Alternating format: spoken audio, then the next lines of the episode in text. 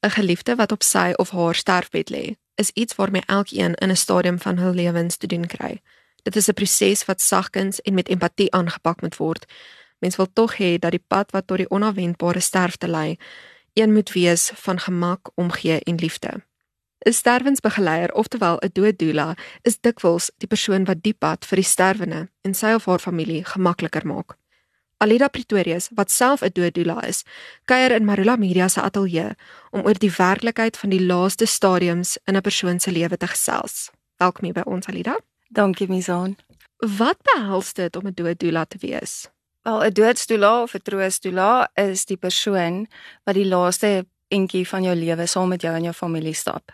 Dit is die persoon wat jou help om basies jou laaste admin gedoen te kry, vrede te maak, seker te maak dit wat jy graag wou klaar maak voor die einde van jou lewe is klaar en jy kan vrede hê en jy kan met vrede sterf. Waarom is daar juis 'n plek in pasiënte sorg vir iemand wat slegs gefokus is op sterwensbegeleiding? Want die mediese personeel is en moet absoluut gefokus wees op die kliniese deel, op die mediese deel om die persoon gemaklik te hou, om hulle pynvry te hou in 'n mediese opsig. En soos jy weet, in ons land is daar baie min mediese personeel. Daar is 'n tekort en hulle is almal oorwerk en hulle is nie altyd gefokus op die emosionele kant nie. En dis waar ons inpas. Ons is deel van 'n multidissiplinêre span wat waarde toevoeg tot die persoon se lewe. Oor watter emosionele en geestelike instrumente beskik 'n doodstoela? Wel, eerstens sou ek sê jy moet empatie kan hê met mense. Jy moet jouself in iemand anders se skoene kan plaas. Jy moet beslis jou eie oordeel eenkant kan sit want jy werk met mense uit verskillende agtergronde, uit verskillende gelowe.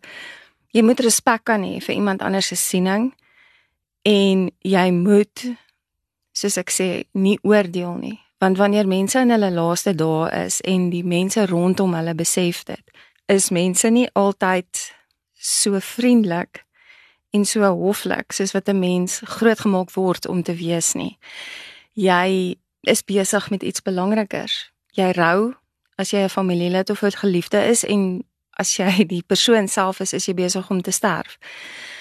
So as 'n doula moet jy kan konfliksituasies kan hanteer want daar is baie keer 'n konfliksituasie in 'n familie of in 'n vriendekring en jy moet na mense kan kyk met liefde in plaas van oordeel.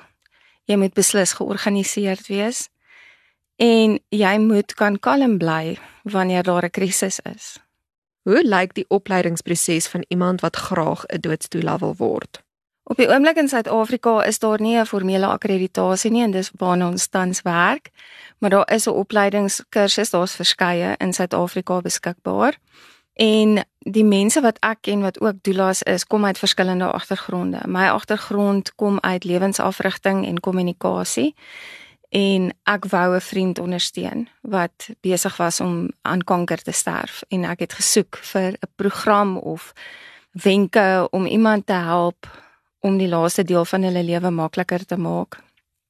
En so het ek op die opleiding afgekom. So baie doula's het ook 'n um, verpleegkundige agtergrond. So Die kort antwoord is daar is kursusse beskikbaar en dan gaan jy deur 'n praktiese fase waar jy betrokke raak by 'n gemeenskap en begin om gesinne te ondersteun wat met die sterfproses deel. So dan raak jou werk prakties en jy kan betrokke wees in 'n mindere of 'n meerdere mate. Wat presies doen jy as doodstoela vir 'n sterwende en sy familie?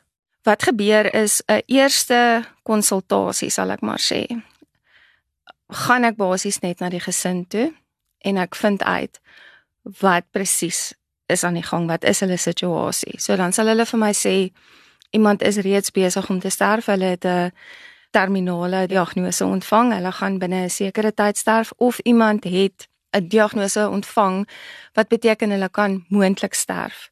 En dan wil mense hulle lewe uitsorteer. So dan besluit die gesin en die pasiënt wat hulle wil hê. Nou vir my die heel belangrikste altyd is die persoon wat gaan sterf. So daardie persoon kry my die meeste van my aandag en ek vra heel eers vir hom of haar wat wil hulle hê. So dan werk ons nou uit. Het jy 'n testament? Het jy 'n lewende testament? Het jy wat hulle in Engels noem 'n advance directive wat sê dat jy nie resuscitasie wil hê nie, dat jy byvoorbeeld nie aardvoeding wil hê nie, al daai tipe van goed wat gespesialiseerd is. Dan nadat ons die admin uit die pad uit het, dan vra ek vir die persoon, "Wat wil jy as 'n nalatenskap vir jou mense los?" So dan besluit ons, gaan jy 'n projek met jou mense doen? Gaan jy soos daar is mense wat soos albums maak saam met hulle gesinne. Daar is mense wat deur al die ou vakansie video's en goed werk. Daar is mense wat 'n naweek wegreël vir die hele familie. So ons besluit, gaan jy so 'n projek wil doen of wil jy saam met elke persoon wat vir jou baie belangrik is. 'n 'n klein kort paadjie loop, hulle apart hanteer. Wat wil jy doen? En uit daaruit begin ons dan nou die goed te doen. Want daar's baie keer algemene admin wat mense wil doen. Hulle wil net 'n kort lys saamstel van al hulle pinnommers, al hulle wagwoorde vir vir rekeninge. Hulle wil rekeninge toemaak. Hulle wil iemand aanstel om hulle sosiale media rekeninge te sluit sodra hulle gesterf het iemand wat 'n plasing in die koerant kan doen. Al daai tipe van goed. So dit is 'n praktiese en 'n emosionele diens. Die dood is nie iets waaroor mens maklik gesels nie. Is dit iets waarvoor jy bang behoort te wees? Ek het 'n baie goeie antwoord gekry by iemand wat onlangs 'n familielid verloor het. Sy het vir hom gesê: "Ek is nie bang om dood te wees nie. Ek is bang om dood te gaan." Want mense weet nie gaan dit pynlik wees? Gaan dit traumaties wees? Gaan dit mense om jou bang maak terwyl jy doodgaan? Niemand is voorberei nie want ons almal gaan net een keer dood. So jy weet nie wat vir jou wag nie. Jy kan nie saam met 'n persoon deur daai hekkie gaan nie. Jy sien maar net hoe dit gebeur soms. Die meeste mense weet nie eers hoe lyk dit wanneer iemand sterf nie. So dis waar die vrees vandaan kom. Een van my mentors sê altyd hoe meer ons weet hoe minder vrees ons. So nee, jy jy moenie bang wees vir die dood nie en dit help ook nie want jy as jy gebore is, gaan jy doodgaan. So jou beste hoek sal ek maar eintlik kan sê is om jouself voor te berei deur soveel as moontlik uit te vind en soveel as moontlik te weet van die sterfproses en hoe jy die tyd tot dan na die beste van jou vermoë kan gebruik. Hoe en waar kruis 'n doodstoel as 'n pad met hospice? Ek het by Sun Gardens Hospice betrokke geraak as deel van my praktiese opleiding. En ek moet vir jou sê ek staan verstom oor hoe wat daai mense doen want mense sien hospice as 'n plek waar sterwende mense heen gaan. Hulle gaan dood daar en dan is die paadjie verby. Hospice ondersteun letterlik 'n hele gemeenskap. Nou die um, Sun Gardens Hospice ondersteun die groter Pretoria en Mamelodi gemeenskap. Hulle het susters en dokters wat uitgaan na huishoudings toe, hulle noem dit home-based care. En hulle gaan na gesinne toe waar daar 'n terminale pasiënt is en hulle versorg die pasiënt medies en dan vind hulle uit wat het die gesin nog nodig. Hulle het ook toegang tot geestelike leiding en nou ook tot doulas en tot allerlei ondersteuningsnetwerke wat hulle aanbied nie net vir die sterwende persoon nie, maar ook vir die mense wat deel is van daai persoon se lewe. So voor en na die sterfte hou hulle aan om te ondersteun en al die mense rondom die persoon te ondersteun. So die rol wat hulle speel is baie groter as net mediese ondersteuning vir 'n sterwende persoon. Hulle het ook opleiding wat hulle vir die gemeenskap aanbied. Al het jy geen mediese opleiding nie, kan jy van hulle kursusse bywoon wat daar's 'n kursus oor hoe om die rouproses te hanteer, hoe om dit namens iemand anders aan die gang te sit en vir hulle te ondersteun terwyl hulle rou. Daar's 'n proses oor hoe om kinders wat treur te ondersteun. Daar's 'n proses om sterwende kinders te ondersteun. Jy hoef nie mediese on ondervinding te hê om daai kursusse by te woon nie. So hulle doen ook 'n baie belangrike opvoedingsrol in die gemeenskap en hulle sit die gesprek oor die dood aan die gang sodat niemand vrese het waaroor hulle nie kan praat nie. Wanneer iemand op sy of haar sterfbed lê, waarna is hulle geneig om te hinker? Waardeur gaan mense in die laaste oomblikke van hul lewens? Die meeste mense wil saak maak. Hulle wil liefgehê word. Hulle wil vergifnis hê en hulle wil onthou word. So dit is in my ondervinding wat die meeste mense voorvra is om daai familiefete te eindig wat aan die gang is.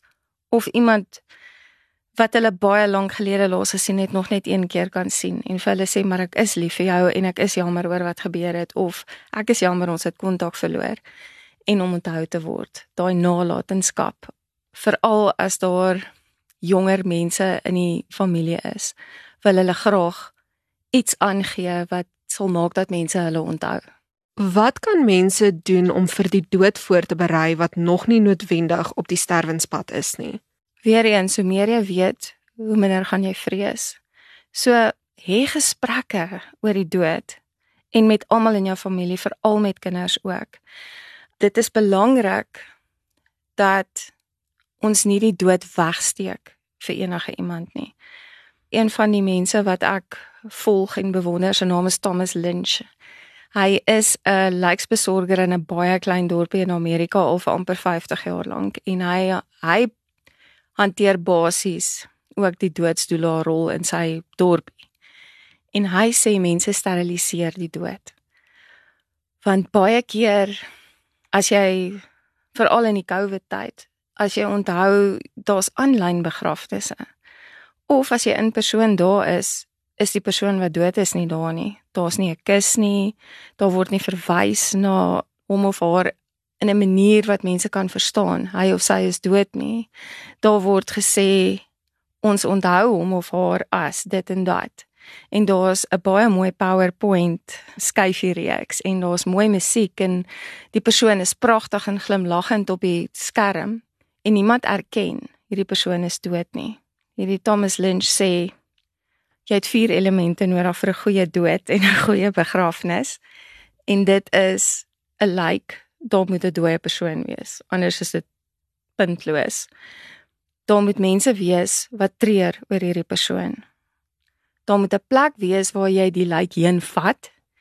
En dan moet daar 'n fisiese skeiding wees, so jy het vervoer nodig om die lewende van die dood af weg te vat. Want dit begin die rouproses waar mense verstaan, ek los hierdie persoon hier en ons gaan hom nooit weer sien nie en ons gaan weg van hom af. En ons doen dit nie meer nie. Daar is amper nooit meer 'n lijk by 'n begrafnis nie. Van dit ontstel mense. Dis meer ontstellend om die bestaan van iemand te ontken. So praat oor die dood wanneer iemand sterf, erken die persoon is dood gaan deur die rouproses. Um rituele is steeds baie belangrik vir 'n mens se siege om te verstaan en sin te maak van wat nou aangaan. En vir al kinders ook, want kinders sien vir oupa of ouma of wie ook al in die hospitaal of by die huis baie siek. En die volgende oomblik is ons by 'n plek waar ons nou goodbye sê vir hierdie persoon. En hulle verstaan nie maar waar is hierdie persoon nou nie? Niemand het ooit vir hulle gesê hy of sy is dood of ons gaan hom nooit weer sien nie of hulle sien die persoon siek in die hospitaal die volgende oomblik is daar 'n kus wat in die grond afsak. Hulle verstaan nie daai persoon gaan nie honger word en nie koud kry en nie bang wees alleen onder die grond nie. Dan begin hierdie kind nagmerries kry. So dit is ongelooflik belangrik om veral vir kinders te verduidelik waaroor die dood gaan, hoe iemand opeindig in die grond of by die krematorium of wat ook al. Op 'n een eenvoudige manier wat hulle sal verstaan maar steeds hulle moet bewus wees daarvan en hulle moet bewus wees van die dood. En in jou eie kring wees gereed.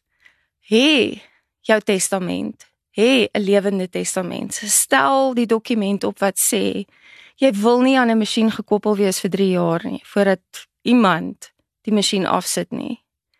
Dis baie belangrik want die dag wanneer jou familie om jou bed staan en hulle weet nie wat jy wou gehad het nie, het niemand niemand van daai mense wat vir jou lief is, kry dit oor hulle hart om daai masjien af te sit nie, want hulle weet nie of jy dit wou gehad het nie. So dis belangrik om openlik oor daai goed te praat waaroor jy bang is om te praat. Wat is die grootste persoonlike les wat jy geleer het in jou loopbaan as doodstoela? Jy het nooit soveel tyd as wat jy gedink het nie. En saam met dit die tyd wat jy het, dis nie die moeite werd om daai tyd te mors op kleinlikhede nie. Maak vrede al is dit vir jou hoe moeilik. Sorteer die goed uit wat na jou dood 'n gemors kan wees. Maak seker jy weet presies wie gaan na kinders kyk, wie gaan na troeteldiere kyk. Iemand het toegang tot al jou pinnommers. Praktiese goed. En gebruik jou tyd om te lewe vir dit wat vir jou belangrik is. Moenie tyd mors op onbenullige goed nie, moenie tyd mors op 'n klein nie. Dit is nie die moeite werd nie.